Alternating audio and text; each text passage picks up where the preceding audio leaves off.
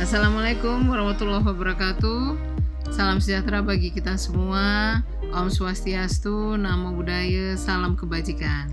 Halo semuanya, kami dari podcast Dialog Ibu Anak bersama aku Iva. Dan saya Mama Lisa. Nah, setelah kita bicara tentang bagaimana Iva kemarin sekolah di UK, saat ini mungkin kita meneruskan diskusinya tentang uh, proses sekolah S1 dan S2 tuh. Ya, um, jadi sekarang berarti kita ngelanjutin pas mungkin proses ini kali ya. Proses aku pendaftaran kuliah kali ya. Boleh gimana sih?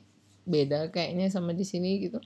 Kayaknya beda ya iya. kayaknya. Jadi kalau di sana itu uh, dia tuh punya website nih punya organisasi namanya tuh UCAS jadi UCAS ini yang ngurusin tentang semua aplikasi-aplikasi buat uh, kuliah di UK nah di UCAS itu kita punya uh, options. Jadi pasti yang pertama tuh harus top choice kita apa. Terus yang 2 3 4 biasanya uh, yang sedang-sedang lah maksudnya uh, dari nilainya tuh yang nggak terlalu tinggi. Sama yang terakhir itu yang cadangan. Biasanya sistemnya gitu. Kalau dulu tuh, di aku disuruh cara pilihnya gitu. Terus jadi uh, setelah itu kita apa yang dipersiapkan untuk mendaftar? um, selain ya yang pasti kan biasanya nilai ya. Itu udah pasti. Jadi kita harus ngasih uh, nilai prediksi selama ini tuh kira-kira nanti kita di akhirnya bakal dapat berapa. Terus habis itu kalau di sana itu kita harus nulis yang namanya personal statement. Jadi personal statement ini itu biasanya kita harus nulisin kenapa kita mau masuk kampus tersebut kenapa kita ngambil jurusan ini terus uh, prospek kita buat nanti ke depannya tuh mau ngapain sih gitu. Jadi kayak ambisi kita tuh apa? Biasanya harus ngejelasinnya itu sih sebenarnya. Jadi bikin kayak portofolio gitu? Kayak essay gitulah short essay gitu, hmm. gitu yang kayak ngintroduce diri kita lah intinya biar mereka tuh tahu kita tuh orangnya kayak apa sih gitu kan. Terus nanti kita dapat feedback lagi uh, kalau urusan personal statement sebenarnya enggak. Jadi hmm. kalau di aku itu personal statement kita tuh bisa uh, nanya ke tutor. Jadi kita tuh biasanya diassign ke tutor gitu kan. Nanya ke tutornya nanti mereka tinggal lihat nih uh, menurut mereka udah oke okay belum nih gitu kan. Nanti baru dari mereka biasanya dikasih lagi ke guidance counselornya. Jadi kita punya guidance counselor buat kuliah. Mereka yang biasanya lebih tahu isi harus apa isi personal statement harus kayak gimana sih?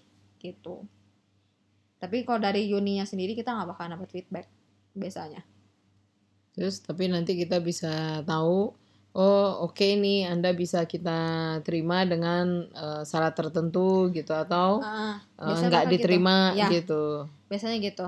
Tapi mostly sih ya mereka kalau uh, diterima ta uh, ada syarat biasanya ngasih hmm. biasanya nanti kan biasanya syaratnya pasti nilai akhir kan. Yeah.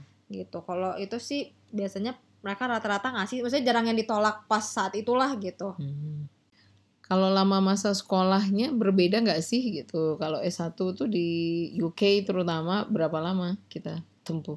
Nah kalau di sini kan S1 itu empat tahun ya. Bisa rata-rata empat tahun lah ya. Kalau di sana itu S1 itu cuma tiga tahun. Jadi lebih cepat setahun dibandingin di Indonesia. No. Tapi bisa juga kita misalnya uh, lebih cepat sekolahnya gitu bisa di sana. Ada semester bisa pendek sih. atau apa sih judulnya? Bisa. Tapi itu itu balik lagi ke ke uh, universitasnya sendiri ya. Kalau kayak aku dulu kan aku aja nggak tahu kalau kita tuh ternyata bisa sekolah lebih cepat gitu kan. Cuman gara-gara ngobrol sama teman-teman ternyata kayak eh ternyata gue bisa dua tahun nih gitu kan. Jadi aku barulah itu nanya ke kampusnya gimana sih syaratnya apa aja? Ya balik lagi sih pasti ya syaratnya nilai kamu harus sekian selama berapa semester gitu kan. Jadi nilainya nggak boleh turun. Itu aja sih. Tapi hmm. kalau di sekolah lain nggak tahu ya gitu. Maksudnya itu balik lagi kebijakan uh, sekolah masing-masing. ya gitu. Kalau mengenai mata kuliahnya sama juga nggak sih? Kalau di kita kan selalu masih ada ya mata dulu istilahnya MKDU mata materi dasar kuliah umum gitu ya gitu kita kayak seperti belajar ada agama ada pancasila oh. ada apa oh. gitu hmm. jadi per semester tuh bisa banyak tuh kita hmm. judulnya gitu hmm. kita harus ngambil berapa SKS hmm. gitu ya 18 20 SKS hmm. gitu Kalau di sana gitu juga nggak sih? Jadi kita hampir kuliah tuh tiap hari. Kalau sebenarnya sistem SKS itu sama. Kalau di kita juga ada namanya kredit. Jadi satu semester itu harus berapa kredit. Cuman kita tuh rata-rata sih mata kuliahnya nggak banyak sebenarnya. Kalau kayak aku sih ya, maksudnya aku coba bisa ngomongnya dari pengalaman aku ya. Kalau aku dulu sih setiap semester itu cuman empat subjek aja. Tapi kalau kak, maksudnya kalau kelas sih hampir setiap hari sih. Seingat aku hampir setiap hari deh kalau nggak salah maksudnya nggak ada bolongnya juga sih sebenarnya cuman ya misalnya ke kampus itu ya kagak dari pagi sampai sore gitu misalnya hmm. kan karena cuma misalnya satu hari cuma dua kelas misalnya jadi ya udah paling 4 jam 5 jam kelar pulang gitu nggak kayak di sini misalnya gara-gara ya itu mata kuliahnya banyak jadi dari pagi sampai sore tuh atau bahkan sampai malam gara-gara harus kerja hmm. kelompok apa segala macam tuh ya kayak gitu kalau di sana sih enggak sih hmm. Nah, by the way, kenapa tuh jadi milih accounting and finance? Karena ya, buat diketahui, Iva tuh dari kecil itu sudah ke rumah sakit. Yeah. Karena uh, saya sama suami selalu kita berbagi tugas. Iva itu kita antar jemput gitu. Mm -hmm. uh, kecuali waktu SD ya waktu SD, SD karena dekat rumah jadi sama teman-teman ya, sama teman-teman naik sepeda gitu yeah. nah begitu SMP gitu yeah, ya kan jauh ya kita antar jemput jadi habis dijemput pasti nanti urusannya mm. uh, nemenin ibunya ke rumah sakit gitu mm. nah rata-rata kan orang pada suka ya harusnya gitu yeah, semua orang udah menduga pasti meneruskannya yeah. masuk ke dokteran iya apalagi anak satu-satunya kan yeah. tahu-tahu ibunya tahu-tahu bukan gitu loh makanya setiap orang bertanya oh ambil kedokteran ya iya. oh jurusan itu, apa ya gitu itu pasti pertanyaan ya kan gitu. overrated gitu. kali ya iya, kayak sering gitu. banget ditanya kayak oh anaknya dokter juga di sekolah di iya. mana atau enggak oh mau ngambil spesialis apa nanti? Padahal aku nggak ngambil dokter sama sekali. Cuman anak dokter aja anak dokter gitu aja ya udah cukup kayaknya ya, ya gitu. Udah satisfied sama itu gitu. Kayak nggak harus lah aku nggak jadi dokter sekolah lama-lama tuh kayaknya enggak tapi satu lagi memang dari kecil tuh Iva tuh paling seneng main kasir-kasiran. Iya. Jadi hobinya memang berhitung gitu ya, ya dari dulu ya iya kalau duit sendirian dihitung nggak iya apa-apa. kan? kayak Kizania dulu kan sering banget mm -mm. tuh Kizania kan ada tuh mainan kasir kan yeah. jadi kasir lah apalah main-main mm -mm. gitu kan. Nggak tahu ya emang senang aja sih. Makanya orang pada nyangkanya mungkin gitu kali ya. Aku sering ke rumah sakit tuh oh kayaknya harus anaknya seneng nih kan pengen jadi dokter nih gitu. Tapi ternyata enggak gitu. Jadi mungkin apa ya kayaknya pas SMA tuh kan aku cuma ngambil sains aja tuh cuma satu sebenarnya. Aku nggak ngambil maksudnya aku cuma ngambil biologi nggak ngambil kimia nggak ngambil fisika itu aja menurut aku udah susah. Nggak tahu ya bukan susah apa gimana ya. Nggak nggak apa ya nggak suka aja gitu sama subjeknya. Ya belajar sih belajar ya gitu. Tapi ya ya udah gitu sebatas itu. Bukan kayak teman-temanku tuh yang lain tuh emang pada jurusannya pengen ngambil sains kan gitu loh. Jadi emang mereka tuh kayak wah belajar tuh yang udah sesemangat itulah yang nanya terus di kelas apa segala macam nah aku tuh nggak karena ya nggak minat aja anaknya. Jadi kalau ngambil accounting sendiri jujur aku bingung ya. Kayak kenapa bisa ngambil accounting? Mungkin gara-gara itu kali ya. Aku suka ngitung terus aku mikir kayak jurusan apa kali yang banyak ngitung tapi jangan matematika pure matematika. Karena aku juga kalau urusan matematika purenya sih aku nggak maksudnya nggak sepinter itulah ya untuk kalau purenya. Jadi aku mikir apa ya gitu kan. Terus ngobrol juga sama teman-teman yang lain.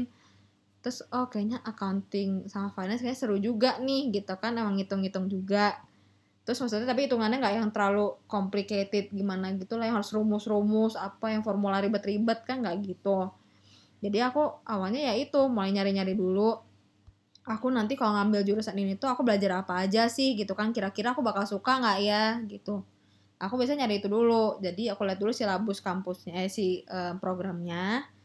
Cek tuh kayak apa. Nah barulah aku mikir oh kayaknya oke okay nih boleh juga lah kayaknya seru. Terus habis itu memang um, ini ya apa job prospeknya tuh luas juga gitu kan. Jadi aku mikir ah ya udahlah milih ini aja. Itu kali sih kalau alasan kenapa milih accounting ya kalau accounting and finance gitu. Terus ternyata setelah dijalani menarik? Finance-nya menarik accountingnya nggak begitu. Jadi um, apa ya kayak uh, waktu itu oh yang aku paling nggak suka dari accounting and finance adalah tax. Urusan hmm. perpajakan itu seribet itu. Makanya waktu aku juga punya beberapa temen yang ngambil accounting and finance di sini juga tapi di Indonesia. Dan itu kayak ya ampun pajak itu gini gini gini. Ya sama sih walaupun memang Hmm. aku nggak belajar pajak Indonesia ya aku belajarnya pajak sana kan. Itu tuh kita tuh setiap minggu dikasih tuh berapa berapa chapter buat urusan pajak yang mulai dari pajak yang perintilan-perintilan lah apa ya kayak misalnya pajak vas bunga pajak eh, lukisan yang kayak gitu-gitu tuh karena di situ ada kan pajaknya urusan begituan. Kita tuh harus ngafalin itu semua. Sepajak si pasal-pasal apa segala macam itu tuh harus ngafalin.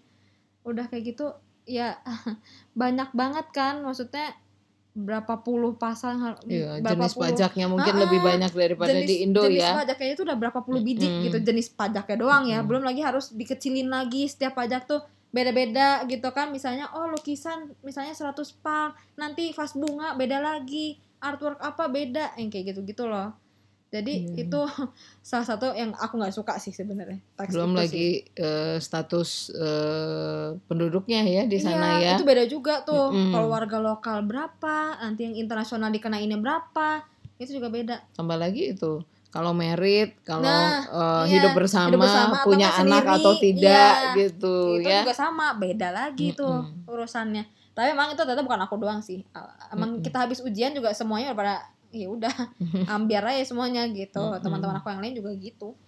Emang itu kali ya yang paling susah. Memang maksudnya bukan di sana aja tapi kayaknya ya di mana pun ya urusan perpajakan ini yang emang lumayan belibet gitu.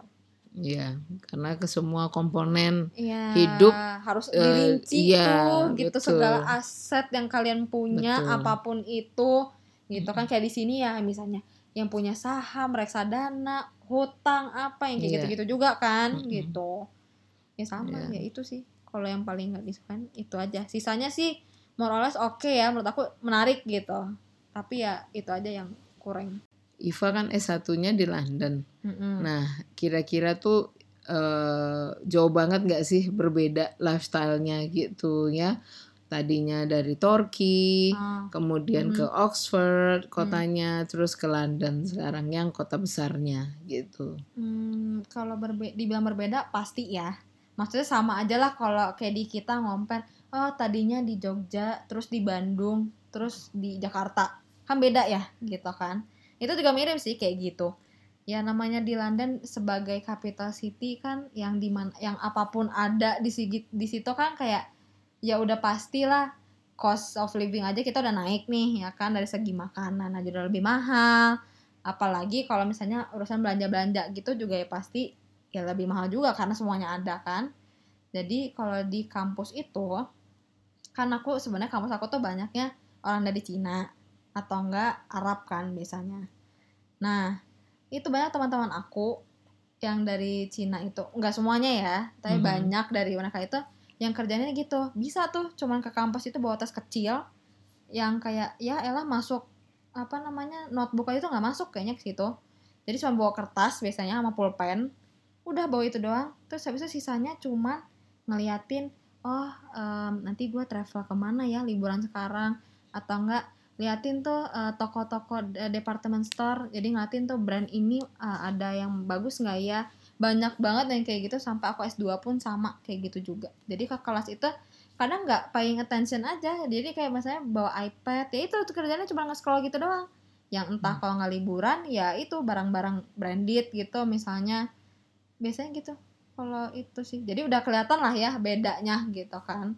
Kalau di Oxford kan memang ya pilihan tokonya pun terbatas kan gitu kalau di London kan mau dari range yang murah sampai yang mahal juga ada semua jadi ya udah kalau itu udah pasti sih Lebih berat godaannya berarti ya. Iya, Bagaimana? berat. manage uangnya tuh Iya. lumayan challenging lah gitu kan. Gimana nih duit segini tuh tiap bulan harus cukup Mm-mm. nih gitu.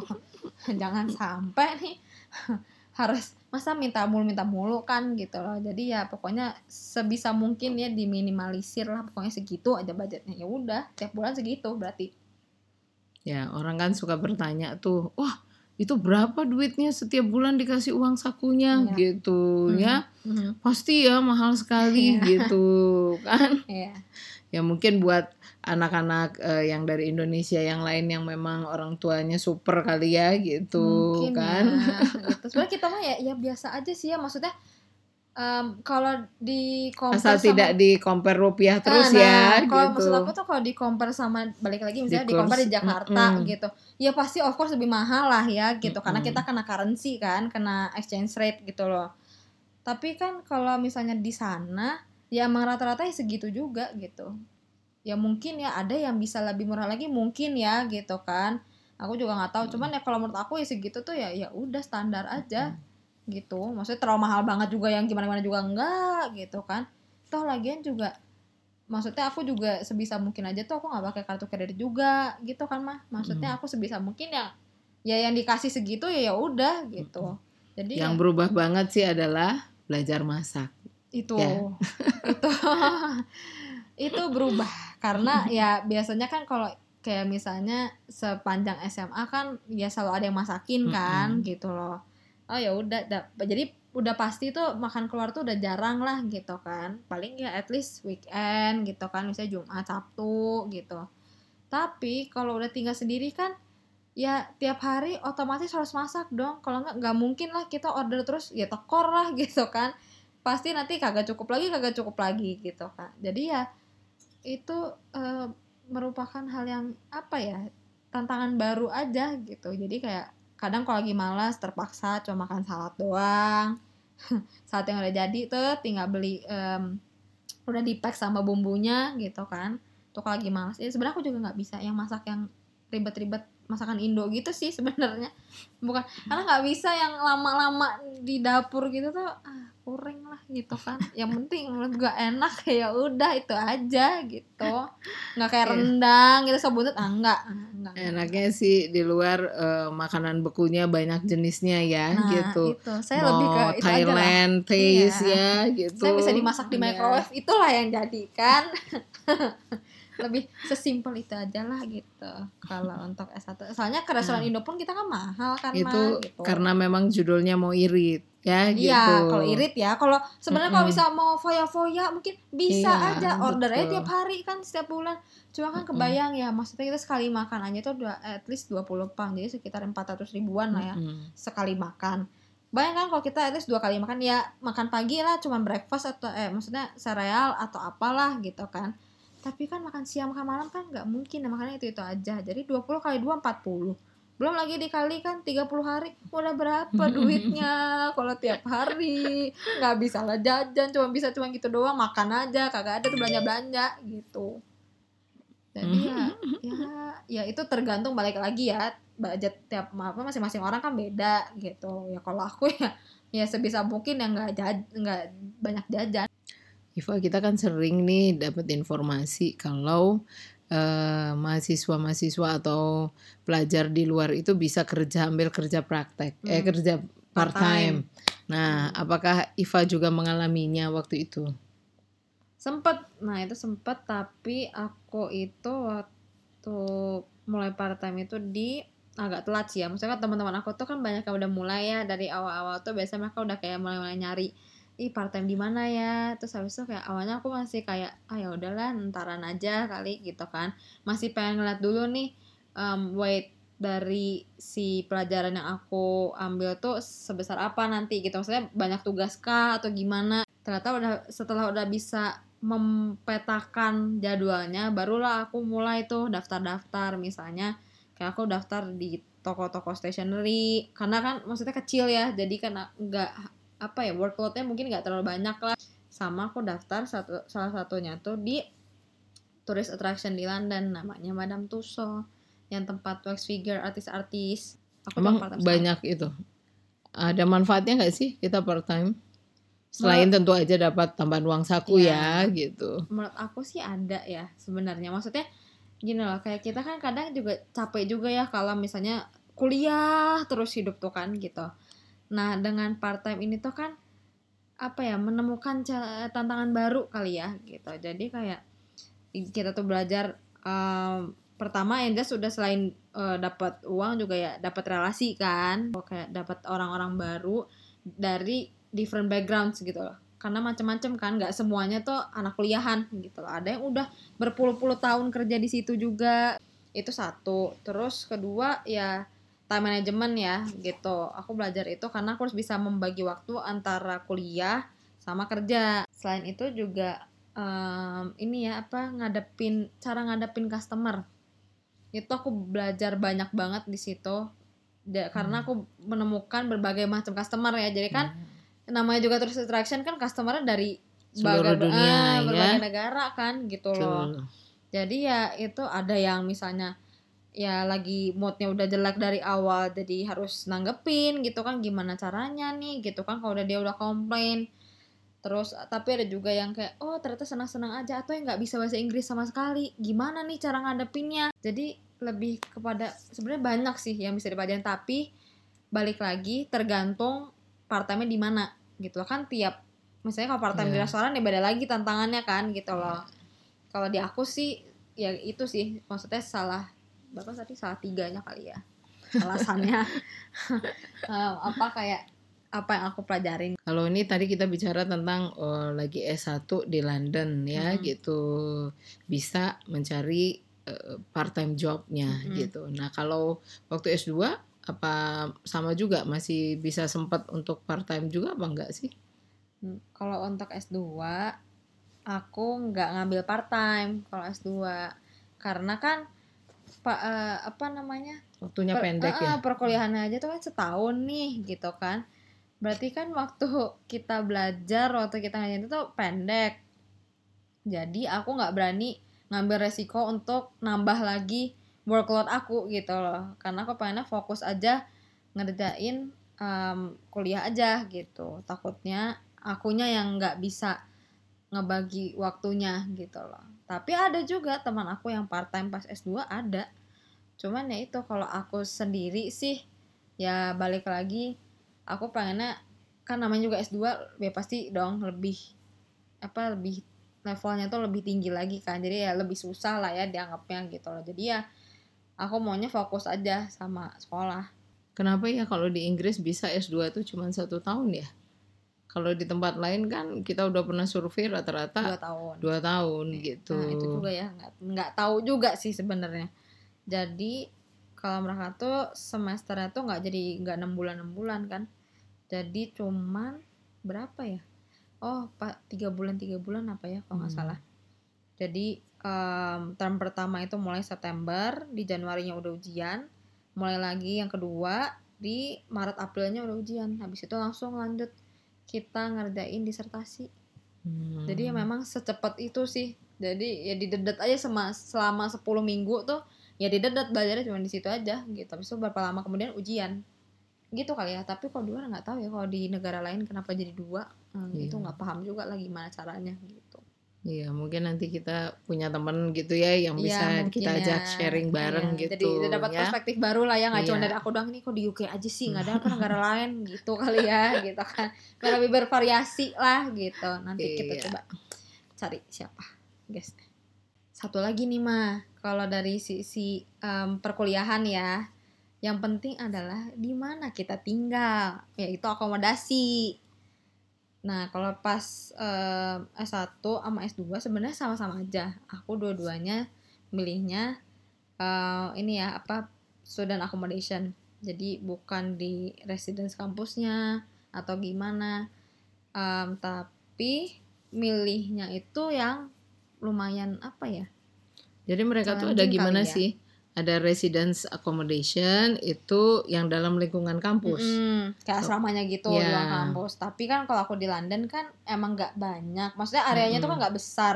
Jadi nggak punya gitu. Cuma Hmm. kalau di Glasgow itu ada gitu yang di Hmm. lingkungan residence-nya. Terus ada student accommodation. Ya, itu, Itu kayak accommodation private kayak- Apartemen Iya, gitu. tapi khusus buat student. Ya. Ada satu lagi private housing. Kalau orang mau Hmm. tinggal kayak pakai apa ya kalau dikit ya? Nyewa Hmm. rumah Ah, gitu ya, kayak gitu. kontrak rumah ya, gitu ya. Ya. Bisa kontrak bareng-bareng teman Iya. gitu atau yang bawa keluarga Hmm, gitu. Itu kayak gitu. Satu lagi. Jadi kita punya tiga Hmm. option itu. Hmm. Nah, aku dua-duanya milih yaitu private housing. Eh, private housing. Student accommodation. Mhm. Karena kalau private housing aku gak mau ribet. Iya. Harus kan harus bayar listrik, harus bayar air, yang gitu-gitu. Nggak, nggak males lah gitu kan ngurusin yang kayak gitu.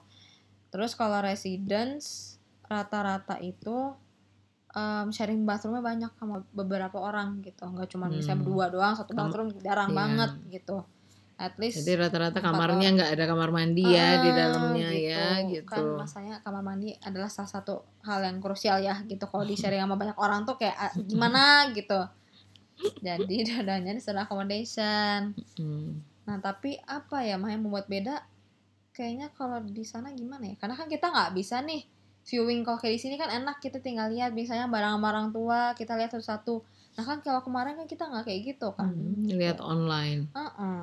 kita. Yang penting sih waktu itu kita cuman ngukur satu jarak, dua akses gitu Mm. ya. Mm-mm. Jadi kalau jauh tapi mudah dicapai juga menarik gitu kan. Yang paling enak sih memang pertimbangannya waktu itu jarak ya. Mm-mm. Yang bisa apalagi bisa dicapai dengan jalan Jalan kaki, Hmm. gitu. Karena gimana pun juga eh, kayak London tuh kan ada berapa zona ya Iya. gitu kan. Mm-mm. Kalau kita tinggal jauh gitu, itu juga persoalannya adalah harus berapa kali ganti kereta gitu. dan itu kan cukup ngabisin waktu Waktunya, ya gitu ya. kan tiap hari. Bolak-balik dua jam ke kampus kan ya Mm-mm. lumayan Iya. gitu loh waktunya Kalau dan dekat kan juga. bisa istirahat di rumah Iya. dulu, balik lagi nanti dan ya. kosnya juga kan karena misalnya kita jadi harus langganan si kartu transportnya gitu kan itu sih jadi ya sebenarnya kalau akomodasi itu balik lagi tergantung preference orang jadi misalnya ada yang milih kayak aku oke jaraknya dekat